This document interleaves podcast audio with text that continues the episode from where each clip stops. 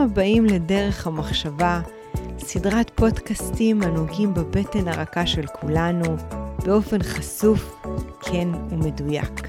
בכל מפגש נדבר על תופעות בטבע האדם ומתוך החברה הישראלית. שלום לכל המאזינים, אלה שכבר תקופה של כמה חודשים נמצאים אצלנו, אני יכולה לראות את אחוזי הצפייה וההורדות שלכם באפליקציות הפודקאסטים, אז קודם כל תודה שאתם מאמינים בדרך שהתחילה ממש לא מזמן. והיום בפודקאסט שלנו אני מתחילה רגע עם איזשהו נתון שייקח אותנו לקצה השני לגמרי של מה שנדבר בפודקאסט. זה תעשיית המיסטיקה. תעשיית המיסטיקה והרוחניות רק בארצות הברית עומדת בתקופה האחרונה, אתם יכולים לתאר לעצמכם על איזה סכום? 2.0 ביליון דולר. שנוסיף על זה שבתקופת הקורונה היא עולה בממוצע 2.6% בכל שנה. מה שאומר שכולנו מחפשים איזה שהם תשובות לגבי מה הולך לקרות. יש בנו כנראה כבני אדם איזשהו אי שקט תמידי שלא מוכן להיות בחוסר ודאות. אנחנו רוצים לדעת לאן העולם הולך ולאן אנחנו ברמה האישית היותר אגואיסטית צועדים. ולשם כך הבאתי מישהו מהצד השני של המפה, אני כנראה הוא לא אגדיר את עצמו כמיסטי, אלא מדען, דוקטור סזנה רועי, והוא עתידן, שלום רועי. שלום שלום. ברוך הבא. תודה, לא מיסטיקן. אז תסביר לנו, מה זה, מה זה עתידן? אוי, אוקיי, נעזוב לרגע את הלא מיסטיקן. טוב, מה זה, מה זה עתידן? יש שני סוגים של עתידנים, מאוד בהכללה. אמ, הסוג הראשון הוא אלה שמנסים לחזות משהו מדויק, קדימה, ויש אנשים שעושים את זה יותר טוב מאחרים, נקראים סופר פורקסטרס, חוזי על, בשני האחוזים העליונים של האוכלוסייה מבחינת יכולות החיזוי שלהם, הם עושים את זה עד שנה בערך. הסוג השני של העתידנים, שאני בעיקר נמנה על שורותיו, הוא זה אלה שחוזים יותר קדימה, או ליתר דיוק לא חוזים, אנחנו מנסים להסתכל על האפשרויות לעתיד. אנחנו מסתכלים על דאטה, על מידע מהעבר, מההווה, אנחנו מסתכלים על דפוסים שחוזרים על עצמם, כמו עונות השנה, אבל יותר ארוך, כמו דפוסים של שנות דור ומה המשמעות כשעובר דור שלם. ובהתאם לכך, אנחנו מנסים לפתח תרחישים חמש שנים, עשר שנים, עשרים שנים קדימה. ואז את התרחישים האלו אנחנו באים ומציגים למקבלי החלטות, לפוליטיקאים, לממשלות, לארגונים בינלאומיים, לחברות גדולות, ואנחנו, ואנחנו ביחד עם מקבלי ההחלטות מזהים את ההזדמנויות שבכל תרחיש, את האיומים שבכל תרחיש, ואז מנסים לכוון, להחליט, להחליט לאיזה הזדמנויות אנחנו רוצים לכוון, וממשיכים משם. את זה. נשמע כמו אנליסטים, מה שונה מכם לבין אנליסטים? כי אני כלכלנית בעברי, בגלל זה אני שואלת. מה ההבדל? יפה. זה תלוי מאוד. תראו, אנליסט הרבה פעמים מסתמך על מידע, אה, וכמעט אך ורק מידע, אני כאן עושה הכללה וגם כן. פוגע בשם של אנליסטים, אבל עדיין. אה, עתידן מנסה להתייחס למכלול גדול של דברים, לא רק הטכנולוגיה, אלא גם החברה, איך החברה תושפע, מה יכול אה, לקרות כשהרבה מאוד גורמים מתחברים ביחד. מהבחינה הזו, שוב, אנליסט, לפחות האנליסטים שהם לא הטובים ביותר, הם מסתכלים בדרך כלל על תחום אחד מצומצם ומנסים להבין מה עומד להיות בו. אה, העתידנים לוקחים הרבה תחומים ביחד ומנסים ליצור תרחישים, קצת כמו אגב סופרי מדע בדיוני, שמנסים להבין ביחד איך הדברים מתחברים. ואני מתפרצת פה לדלת פתוחה שלא התכוונתי לשאול. אבל אם בעצם אתם אה, בודקים התנהגויות של אוכלוסייה, אה, כנראה גם ברמת הפרט, גם ברמה הכללית, אתם יכולים לחזות מה יקרה. אה, יש לך, יכול לחזות מה יהיה, אני מניחה, זה עתידנים, לא? יכולים לנסות. אני יכולים לנסות. האם בניסיון הזה, יש פה שתי שאלות, האם בניסיון הזה אתם יכולים לחזות טרור, כמו שקורה עכשיו במדינה שלנו?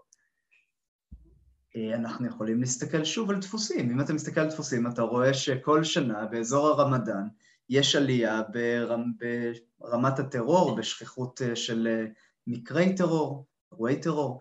אז חד משמעית אנחנו יכולים ככה לעשות שנה אחר שנה, להבין איפה ההסתברות יותר גבוהה. עכשיו, אם את מסתכלת חמש שנים או עשר שנים קדימה, אז עתידן יכול לבוא ולקחת את הסיבות לטרור, יכול לבוא ולהסתכל על הגורמים הגיאופוליטיים, יכול לבוא ולחשוב מה יקרה אם רוסיה קורסת, אם פוטין יורד מהשלטון, אם סין לומדת מרוסיה ועכשיו משלטת על טיוואן וכדומה וכדומה, ואז לנסות להבין איך הטרור יכול להיות מושפע מכל הגורמים האלו. אז בעצם רועי, עתידן צריך להבין בהרבה מאוד תחומים. בעצם אמרת לי טכנולוגיה, אמרת לי גיאופוליטי, אתה מדבר פה מדע, דברים שהם אה, על האסלאם, אז דתות, אז בעצם כל עתידן לומד כל מיני תחומים, או שאתם יושבים ביחד כל מיני עתידנים עם אה, מידעים שונים וניסיון שונה? אני אענה על זה בשתי דרכים. קודם כל, אה, לטעמי עתידן טוב, ושוב אין הגדרה מדויקת של מה זה עתידן טוב, אז אני יכול רק לדבר בשם עצמי. כן. עתידן טוב יודע מעט על הרבה. אם אפשר לדעת הרבה על הרבה זה הכי טוב, אבל יש מעטים מאוד אה, אנשים שיכולים לעשות את זה, אז הוא יודע מעט על הרבה ויכול לדבר בכל השפות השונות כדי באמת להצליב מידע, לקרוא מאמרים מכל הסוגים, דוחות מכל הסוגים וכדומה. התשובה השנייה היא שכן, עתידנים יושבים ביחד, אבל לא רק עתידנים. כשעתידן מגיע לארגון והופך להיות העתידן של החברה, זה לא שהוא יושב, סליחה, כן, רגל על רגל, ומתחיל לשרבט מה שהוא רוצה. כן. הוא יוצר תרבות ארגונית שבה עובדי החברה יושבים ביחד כל שבוע, כל חודש, מצליבים רעיונות, חושבים על העתיד, וכתוצאה מזה החברה הופכת להיות מוכנה יותר לעתיד. בעצם אתם עושים סיור מוחות ומשם עושים איזשהו היקש על אסטרטגיה עתידית, בהתאם למה שיצא מהסיור מוחות. סיורי מוחות זו מילה מאוד מאוד כללית וצריך להיזהר כי יש, יש הרבה מתודולוגיות לזה, אבל כן, בגדול כן. משתמשים במתודולוגיות מוסדרות, מתודולוגיות שנבחנו גם במה, בפרקטיקה ויצאו עליהן הרבה פעמים מאמרים אקדמיים, ואנחנו יודעים שהן עובדות יותר טוב מאחרות. אז עכשיו חייבים להתקדם ולקחת את המידע שלך עוד צעד קדימה, כי אולי נרוויח עליך כסף היום, רועי. NFT, NFT, כן. כולם מדברים, עכשיו זה, זה, זה טירוף, אני, אני, אני, אני לא נעים לי מעצמי שאני לא בקיאה עד הסוף בנושא הזה. תספר קצת למאזינים ולי מה זה ואיך אפשר להרוויח מזה, כמובן. קודם כל אני חייב להתוודות שאני פרסמתי תחזית אה, עם NFT עליה, אה, מי שקנה מקבל את התחזית, אה, קיבלתי הצעת מחיר של איטר אחד, שזה נע בין 2,000 ל-4,000 דולרים, לסרטון של 15 דקות עם תחזית, אז נפלא. אז זה NFT, בעצם פרסמת תחזית, איזשהו מוצר דיגיטלי, עכשיו תספר לנו מה זה אומר. כן, אוקיי, אז מה, מה זה בכלל NFT? NFT זה Non-Fungible Token. זהו, סיימנו. אז עכשיו זה ברור. לא, ובעצם יש... יש... אוקיי, אוקיי, אוקיי, אוקיי. רגע, המורה, המורה. לא הבנתי. ככה. לא, לא מפתיע, גם אני לא, בפעם הראשונה או השנייה או השלישית. תראי, זה הולך ככה. אמ, זה, זה הסבר כל כך כל כך ארוך, שנה שלושים שנים אחורה, אני אנסה לתקצר אותו בכך ש... NFT הוא פיסת קוד שנמצאת על רשת, רשת מבוססת בלוקצ'יין. במקרה הזה בדרך כלל על אה, רשת איתיריום. מה מאפיין את רשת הבלוקצ'יין באופן כללי? שבביטקוין ובאתיריום אין שליטה מגבוה. אין שליטה של ממשלת ארצות הברית, אין שליטה של סין, אין שליטה של רוסיה. מי שכן שולט על הרשת הזו? האלגוריתם. האלגוריתם שכולם מריצים במחשבים שלהם כדי לשמר את המערכת. כלומר, באופן עקרוני היא לא יכולה ליפול, היא נשארת מכאן ועד עולם. זה לא מדויק, ואת יודעת, נזרום עם זה. Okay. אמ, הרעיון עכשיו הוא שכל מה שנמצא על הרשת הזו מנוטר, כל מה שנמצא על הרשת הזו לא יכול, אי אפשר לשכפל אותו, אי אפשר לזייף, אי אפשר לרמות. ומכיוון שכך, לא באופן מפתיע יותר מדי, אחד השימושים בה הוא לייצר טאג, איזשהו NFT, פיסת קוד, שמשויכת למשהו בעולם הפיזי, או למשהו בעולם הדיגיטלי, או לערך, זה לא משנה, השאלה היא מה המשמעות ששמים על הטאג הזה. וברגע שיש לך את הטאג הזה, אף אחד לא יכול לשכפל אותו, אף אחד לא יכול להעתיק אותו. עכשיו, מה זה אומר? תחשבי לרגע על יצירה של ואן גוך, כן? החמניות. אתה אומר טאג זה בעצם קוד ברקוד כזה, כמו שעושים בסופר, זה סוג של ברקוד, אוקיי. מספיק קרוב, כן. כן. אוסף של, של קרקטרס, של, כן. של תווים. תחשבי על החמניות של ואן גוך, בסדר? כן, כן. יש את החמניות המקוריות שנמצאות איפשהו ושוות עשרות מיליוני דולרים mm-hmm. בקלות. אבל למה? הרי יש לך את, לכל בן אדם בבית שחובב אמנות, יש לו פוסטר, נכון? של החמניות. נכון. אגב, שיכול להיות לראות יותר טוב מהחמניות המקוריות. למה החמניות המקוריות שוות כל כך הרבה?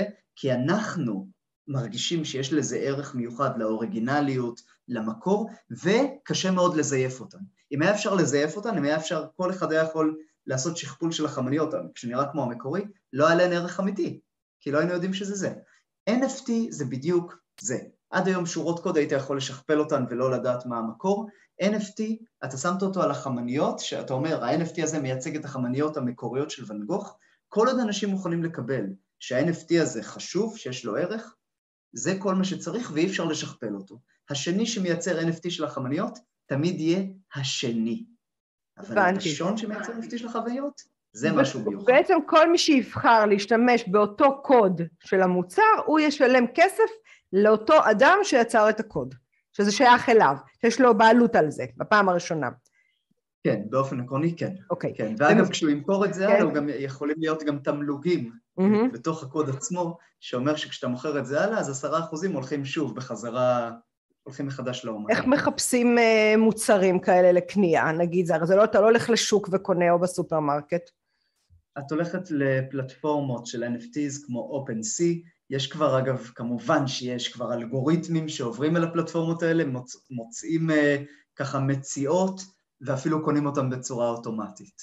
אז uh, זהו, לכו לשם, תסתכלו, ת, תקנו. אני מזהיר מראש שזה כנראה בועה שתתפוצץ. אני אומר מראש, אני חושב שאחרי שהיא תתפוצץ, היא תתחיל להשתקם שוב בהדרגה, ונראה מה, יהיה, מה היא תהיה שווה בסוף. לא הייתי ממליץ לאף אחד לשים את הכסף שלו ברכישת NFT, אלא אם יש לו כסף מיותר. ככה מיותר. וזה מוביל אותנו, רועי, אמ, למגמה הבאה בעולם, שכנראה הכסף המזומן ילך וייעלם. יהיה לנו פחות כסף להשתמש ולשלם איתו. מה כן יהיה? איך אנחנו נשלם? הכל יהיה כרטיסי אשראי? ברשת? זה כבר, זה כבר עכשיו המצב. לא נכון, אה, לא, לא, היום, אני חושבת שהיום אה, נלך יותר גרוע, כל אה, עולמות הפשע והטרור משתמשים רובם במזומנים, אז עדיין יש כוח למזומן. תראי, אני, אני קצת עשיתי כמובן הגזמה, כן. לא הכל, אבל בעצם כולנו משתמשים, או כמעט כולנו משתמשים בביט, כמעט כולנו משתמשים ב PayBox. כן. זה מגיע למצב שמגיע, שאני מגיעים אליי שליחים שאני רוצה לתת להם טיפ, אין לי כסף מזומן, אני כבר לא מחזיק את זה. אני, אני מבקש מהם את הטלפון שלהם ואני מעביר להם בביט. אני רוצה לשלם לקבצן ברחוב, אני מעביר לו בביט. וואי, זה, זה, זה יפה. ברמה הזו. כן. כן, אגב, אין בזה שום דבר מפתיע, כבר לפני יותר מחמש שנים אנחנו קיבלנו דיווחים שבסין זה מה שקורה. אתה רוצה לשלם בקבצן ברחוב, אתה מצלם את ה-QR code שלו ואתה מעביר לו את הכסף אה, אוטומטית. אז uh, האמונה שלי היא שזה רק ילך ויתגבר, ואנחנו רואים את המגמות לזה בכל העולם. מה שיותר מעניין לטעמי, זה מתי אנחנו נזנח את הרעיון של כסף שמפוקח ברמה הלאומית. שכל ממשלה יכולה לשחק עם uh, כמות הכסף שהיא מדפיסה, עם הערך של הכסף, עם הריביות וכדומה, ובמקום זה נעבור לכסף גלובלי, למערכת פיננסית גלובלית שחוצה גבולות, שאין משמעות לגבולות הפיזיים בין מדינות, וכל אחד יכול להשתמש בה עם ערך מוסכם. זה כבר מתחיל לקרות, זה הביטקוין, זה האיתר, אל סלבדור כבר קיבלה על עצמה את הביטקוין כליגל טנדר, כמטבע כן, שאפשר להשתמש בו, כן, ועכשיו אני חושב 70 אחוזים מאל סלבדור יש להם ארנקים דיגיטליים, לעומת בערך 30 אחוזים שיש להם ארנקים בבנק, ככה אה, חשבון אה, בבנק ממש, וכשזה יקרה זה יהיה שינוי עצום. השאלה היא, מי ישלוט במערכת הפיננסית הזו? זהו. כי אם זה ביטקוין ואיתר, כן. אז, אז, אז אף אחד לא שולט. אבל מה קורה כשסין מוציאה קריפטוקוין, מטבע דיגיטלי, שכל המדינות יכולות להשתמש בו, אבל סין היא זו שבאמת שולטת מגבוה על המטבע הזה, ובהחלטה שלה היא יכולה להפיל כלכלות שלמות. ולכן אני חושב שצריך להגיע כמה שיותר למטבע גלובלי שלא יהיה מפוקח ומבוקר מלמעלה, אחרת הוא יהיה מבוקר על ידי סין או על ידי המערב, ו- וזה לא הדבר שאנחנו רוצים שיקרה. אבל אתה מאמין שזה כן משהו שהולך לקראת זה. אני חד משמעית מאמין כן. שאנחנו הולכים לקראת זה. אנחנו הולכים גם לקראת מטבע שכן מבוקר מלמעלה, אז קשה מאוד לדעת מה בדיוק יהיה. אז אתה יודע מה, אם אנחנו כבר מדברים על השליטה של הממשלות ושליטה מלמעלה, אז בואו נדבר רגע על הענקיות הטכנולוגיות החזקות שהן ביום באמת מאי פעם. ויש להם איזשהו מאבק שליטה עם, ה, עם המדינות, עם הממשלות, וכרגע זה נראה כמו שני גופים ענקיים שמושכים בחבל. מה יהיה עם זה? כאילו הם עדיין נשלטו, מי, מי, מי ינצח בקרב הזה לדעתך? תראה, אני כתבתי על זה ספר שלם, על הכרישים, שזה חברות הטכנולוגיה, והלוויתנים, שהם הממשלות, לפי הלווייתן של, של הובס. אמ, והתשובה היא, סליחה, שקשה לדעת, כמובן, הניחוש שלי הוא שבסופו של דבר, מי שיהיה המנצח אלה הארגונים הגלובליים. כי ממשלות מעצם טבען הן מוגבלות, הן תחומות בטריטוריה פיזית מסוימת. הארגונים הגלובליים, ככל שאנחנו מתקדמים יותר לעולם הווירטואלי, ככל כן. שאתה צריך יותר את השירותים הדיגיטליים, הארגונים הם אלה שיכולים לספק את השירותים האלו בכל מקום. עכשיו, נכון להיום זה לא עומד לקרות, מסיבה מאוד פשוטה. הממשלות שולטות על התשתיות במדינות שלהן. רוצה ישראל, ת, תעצור את פייסבוק. כן. רוצה, לא יודע מה, סין, כמובן, כן, תעצור את גוגל. זה כמו שאתם רואים, זה יכול, זה, זה קורה. אמ, אבל ככל שאנחנו נתקדם לתוך העתיד, ככל שרשת האינטרנט, למשל, תבוא יותר מהחלל החיצון, שזה מה שאילון מאסק מנסה לעשות היום עם אה, סטארלינק שלו. אה, הרי שהשליטה של המדינות על הטריטוריה אה, ועל התשתיות תלך ותפחת, ואנחנו רואים את זה בצורה מדהימה עכשיו ברוסיה. רוסיה עכשיו, יש מתוכה הגירה המונית, יותר מ-70 אלף צעירים, משכילים, מתכנתים, מפתחים. למה הם עוזבים את רוסיה? כי הם יכולים להתחבר מכל מקום לאינטרנט, הם יכולים לעבוד מכל מקום, והם פשוט ילכו למדינות שיכולות לתת להם תנאים יותר טובים, אבל הם לא צריכים לדאוג יותר מדי לגבי המיקום שלהם. כלומר, רוסיה למעשה כבר מפסידה במובן מסוים בקרב הזה של מדינה לעומת, ה... בין לעומת, לעומת העולם כולו. זה נשמע... זה, יהיה מאוד מעניין לראות למה. זה, זה נשמע שאנחנו, כל ההתפתחות הטכנולוגית המואצת בעצם תהפוך אותנו לאיזה כפר גלובלי מנוטרל ממשלות אה, וגבולות, ו, ומפה בעצם אה, יש, אה, יש לי עוד שאלה שהיא ככה נקודתית. רק, מה? כן, כן, תמשיך. כן, כן, כן, כן, בוודאי. כן, קודם כל, לטוב ולרע. ואף כן. פעם אין רק טוב או רק כן. רע, זה איפה שבין לבין. אבל הדבר השני זה שבמובן, מה, מה יפה בכפר הגלובלי הזה? כן. שאנחנו חוזרים בעצם אחורנית בזמן. לא מהבחינה שאנשים מתים משאיפת עשן כי הם מדליקים אח בבית, אלא מהבחינה שפעם איפה היינו חיים? היינו חיים בשבטים, היינו חיים בצ'יף דומים, במחוזות צ'יף, היינו חיים בכפרים שכולם מכירים את כולם.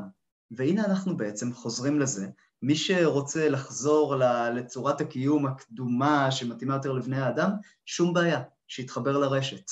זה חד כן, משמעית הכיוון. זה, זה נשמע ככה, מצד שני אתה רואה פה מגמות אחרות, כמו הלאומניות שעולה בצורה מאוד מאוד חזקה, רואים את זה באוקראינה, רואים את זה היום קצת בישראל, זאת אומרת, יש פה הרבה כוחות ש... משפיעים, ואני אני, אני רוצה להאמין שיהיה איזשהו כפר גלובלי, אולי יש פה איזשהו אפילו מציאות אוטופית, אתה יודע, שבאמת כמו פעם אה, נאכל בננות ו, ונשלם במטבעות וירטואליים ולא יהיה לנו ממשלות שיקחו לנו את כל מה שהרווחנו. אה, ובכל זאת הנפש שלנו, אנחנו במיוחד הדור הצעיר שגדל, נחשף למציאויות טכנולוגיות לא פשוטות. אה, ואחד מהם שזה המציאות המדומה באמת לא משנה אם זה ברובוט אה, משקפיים כמה המציאות המדומה הזאת ודרך אגב פה אני רגע עוצרת שאני מספרת למאזינים שאותך הכרתי דרך קורס שעשיתי באוניברסיטת חיפה ואני זוכרת שהתיישבתי בכיתה ופשוט ברגע של הלם הגיע רובוט ודיבר איתנו והסתובב בכיתה וכאילו לרגע לא הבנתי מה קורה וחלק מהשיעורים היו עם רובוט, שזה היה מדהים, זה, וזה היה ב-2015 או 2016 אם אני לא טועה, 2015. אז, אה, אז זה היה מדהים, כאילו אז שאנחנו בכיתה ורובוט מסתובב, אז איך, איך, ה, איך המציאות המדומה הזו הולכת להשפיע עלינו, אולי אפילו ברמה הנפשית. תראי, קודם, קודם כל, תודה רבה לגבי הרובוט. היינו בארצות הברית במשך חמש שנים, ומכיוון שרציתי שיהיה לי קשר בארץ, שלחתי רובוט והעברנו איתו שיעורים, הרצאות. אה, היה נורא נורא מעניין ללמוד את כל מה ש... איך, איך זה לעבוד ככה. רועי, רק אני חייבת עוד משהו שהחלפת לרובוט, אה, זה היה כל כך משעשע, שהיה רבע שהחליפו לנו מרצה, אה, הבאת לנו מרצים מכל העולם, ועברה מרצה, ממרצה למרצה, ואז עצרת, ולא הבנתי מה קורה, אז הורדת לו את הז'קט ואת הכובע ושמת לו מטפחת כמו של אישה. אמרתי לו, זהו, זה השיא. אגב, הגיעה מרצה מפקיסטן. אני זוכרת, אני זוכרת, אני הייתי בהרצאות. כן, כן, אני זוכרת. פתאום היא מרצה בישראל. כן, כן. היה גם הרצאה מרתקת. כן. אמ, תראי, אני אענה לך על השאלה לדעתי הכי חשובה לגבי המציאות המדומה והרבודה, המעורבבת, לא משנה מה, היא לא תהרוס את הקשר האנושי בין בני האדם. ואנחנו רואים את זה, אגב, כבר היום, אומרים שהסמארטפונים, נכון, הורסים את הקשר בין בני אדם. אגב, אותו הדבר אמרו גם על הקריאה לפני, אה, מה זה היה? כן, קריאה מתמדת, אמרו את זה במאה ה-18.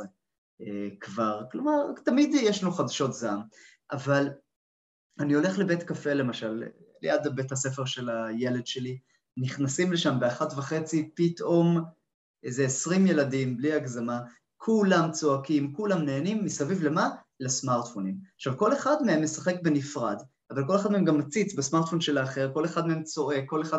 זה, זה, זה תענוג אחד גדול, כלומר, כולם ביחד.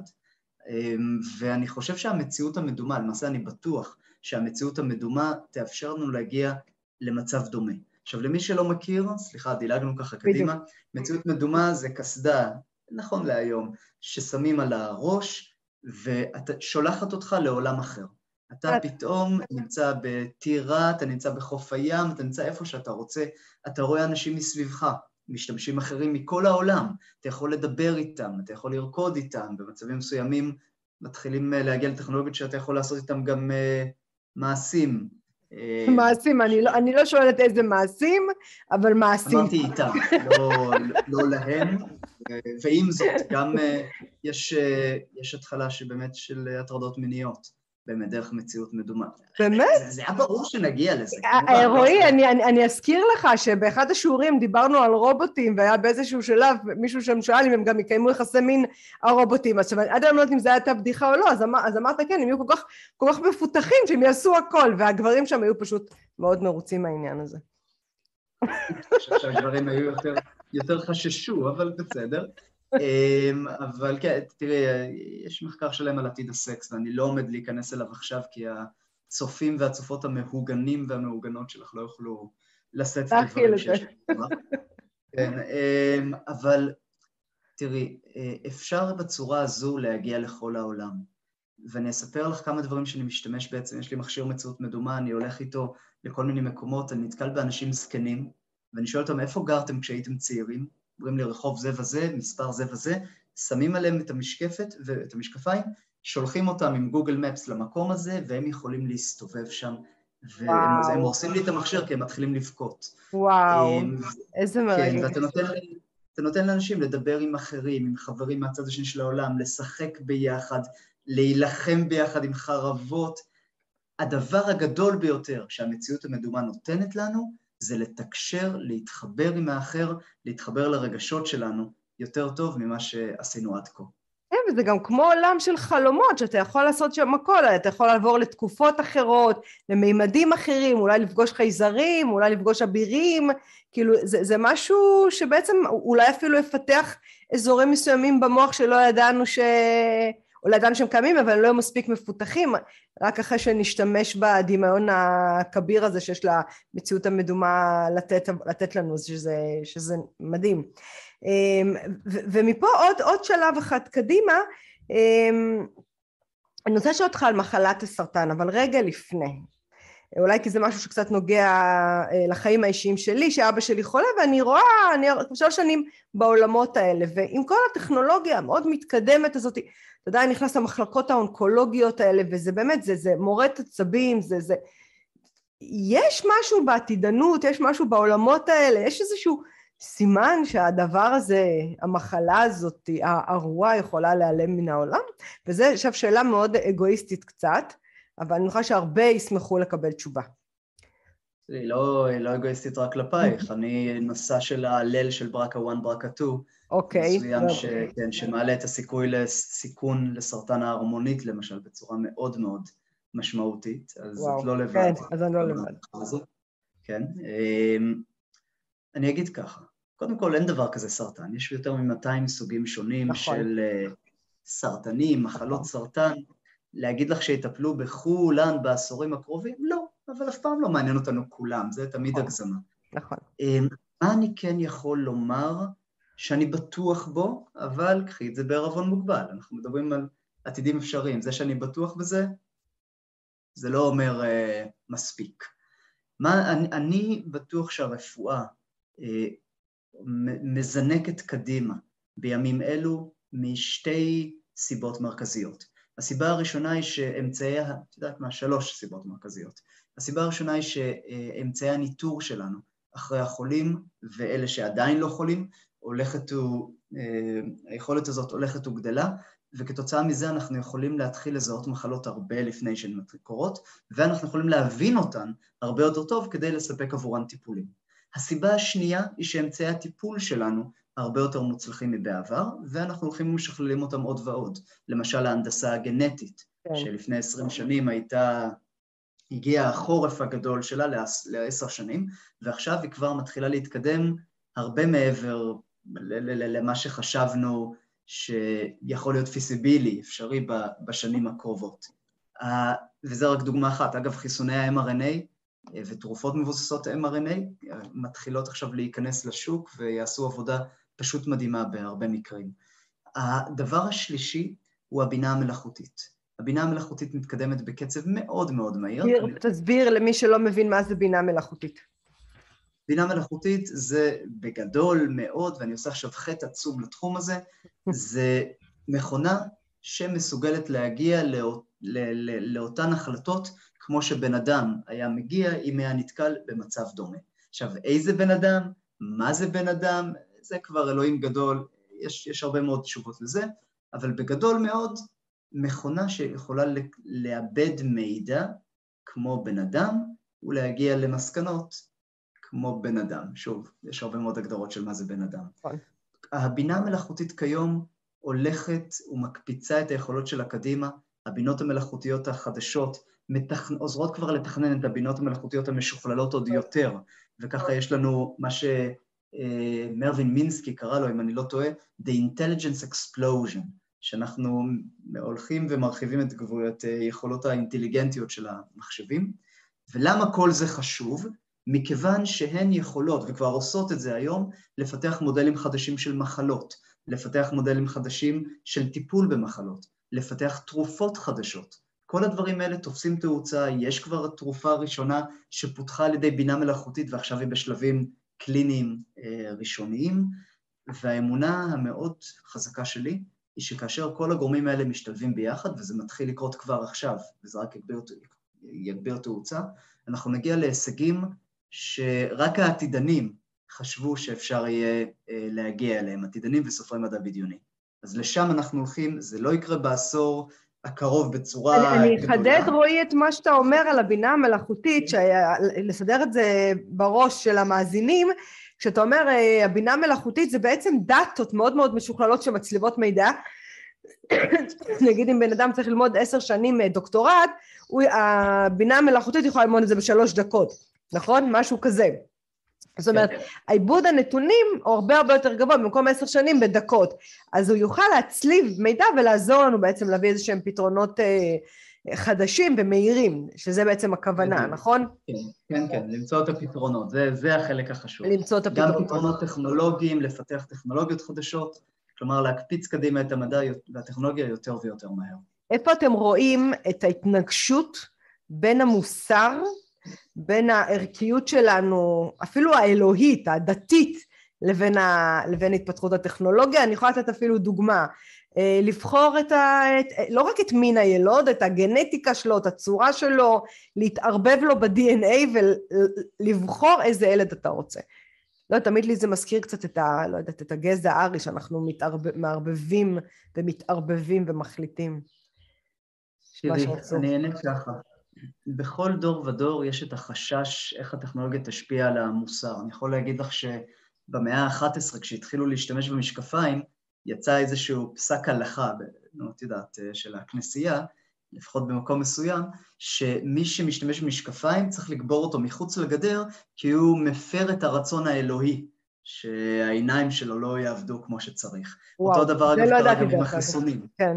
אז הייתה תגובה גם עם החיסונים כזו, האינוקולציות, החיסונים המוקדמים לפני, לפני 220 שנים בערך. מהבחינה הזו אין לי ספק שטכנולוגיות שנראות לנו היום מוזרות, כמעט אפילו מעוררות uh, בעתה, um, כמו למשל לבחור את מין הילוד, שזה זה, זה כבר בסדר, זה כן, כבר ברור כן. מאליו. עושים את זה הרבה בהודו, בסין וכדומה, אבל אה, לבחור את צבע העיניים של הילוד. כן, זה ממש זה DNA, כן. אז אני, אני לא רואה בעיה כזאת גדולה עם זה, בסדר, אז נהיה כולנו גבוהים, יפים, עם פחות מחלות, אה, שיער בלונדיני, יאללה, שיהיה שיער בלונדיני. מה שאני כן רואה בעיה זה בטווח ה... אה, בעיה אחת בטווח הקצר, בעיה אחת בטווח הארוך. בטווח הקצר זה מה שכתבתי בספרי המדריך לעתיד לפני עשר שנים כבר, שאנחנו עלולים להיכנס לעידן האופנה הגנטית.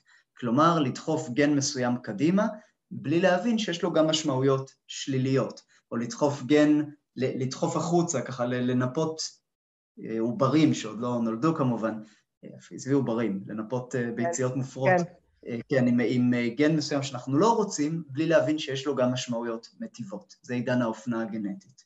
הדבר בטווח הארוך שאני חושש ממנו, שאם אנחנו מורידים את המגוון האנושי, את מגוון הגנים שבאוכלוסייה, הרי שאנחנו פותחים את עצמנו גם למחלות שפתאום יכול...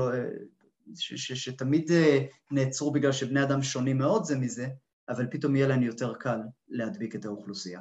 מצד שני, כשנגיע לעידן הזה שכולנו דומים כל כך זה לזה מבחינה גנטית, יהיו לנו גם תרופות למחלות, זה בסדר.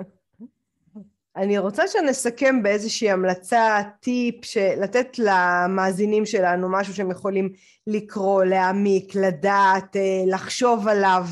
יש משהו? אמ, כן ולא. יש, את יודעת, יש המון ספרים של עתידנות, של חשיבה על העתיד וכולי. עזבי, זה לא, לכו לחנות הספרים, תקנו את הספרים שלי כמובן, ות, ותמצאו את כל מה שצריך. מה שאני הייתי אומר למאזינים ולצופים, זה ללכת וללמוד כל דבר שהם רוצים, כל עוד הם לומדים. לכו לקורסרה, תלמדו משהו חדש, לכו ליודמי, תלמדו קורס. אני אגב הלכתי לשם ויודמי זה, זה כן, באינטרנט. כן, זה באינטרנט. זה תקישו יודמי ויעלה לכם אוסף אה, מופלא של קורסים. בדיוק, אתם משלמים בין עשרה דולרים ל-30 דולרים, כן. אני הלכתי לשם, למדתי קורס של פיתוח משחקים. ומה לי הוא לפיתוח משחקים? אבל זה משהו שנורא מעניין אותי, למדתי שם, פתאום אני יודע קצת לפתח משחקים, אני יודע לחשוב בצורה קצת אחרת, יש לי פתאום מה לתת יותר בעבודה שלי, אה, כי, כי הרחבתי את היכולות, עשיתי reskilling ו upskilling, פיתחתי את היכולות שלי. תעשו את זה, אתם חייבים לעשות את זה, כל אחד צריך לחשוב כמו יזם, להתחיל להשקיע בעצמו ולהתחיל להכין את עצמו לעתיד באמצעות זה שהוא לומד הרבה דברים חדשים, וככה כשהעתיד יגיע, הוא יהיה מסוגל לנצל את מה שהוא למד. וואי, רועי, אני חושבת שזו המלצה ששווה זהב, ואני לקחתי אותה גם מהקורס שלך ב-2015, ואיזה כיף שאמרת את זה פעם נוספת. אז ממש תודה, שמחתי על הרעיון הזה, ו... ונתראה גם בעתיד וגם בהווה. תודה על ההזמנה, ונתראה בעתיד. נתראה. שיהיה לנו בהצלחה. תודה. להתראות. זה היה פרק נוסף של דרך המחשבה. כל הפרקים זמינים באפליקציות הפודקאסטים, בערוץ היוטיוב ובפייסבוק. אם עדיין לא הצטרפתם, זה הזמן. להרצאות בנושא חשיבה יצירתית, חדשנות, יזמות, אסטרטגיה רגשית ומדיטציה, מוזמנים לפנות אל הישירות לאופיס שטרודל שירן קום. אני שירן רז, ואהיה איתכם גם בפרק הבא.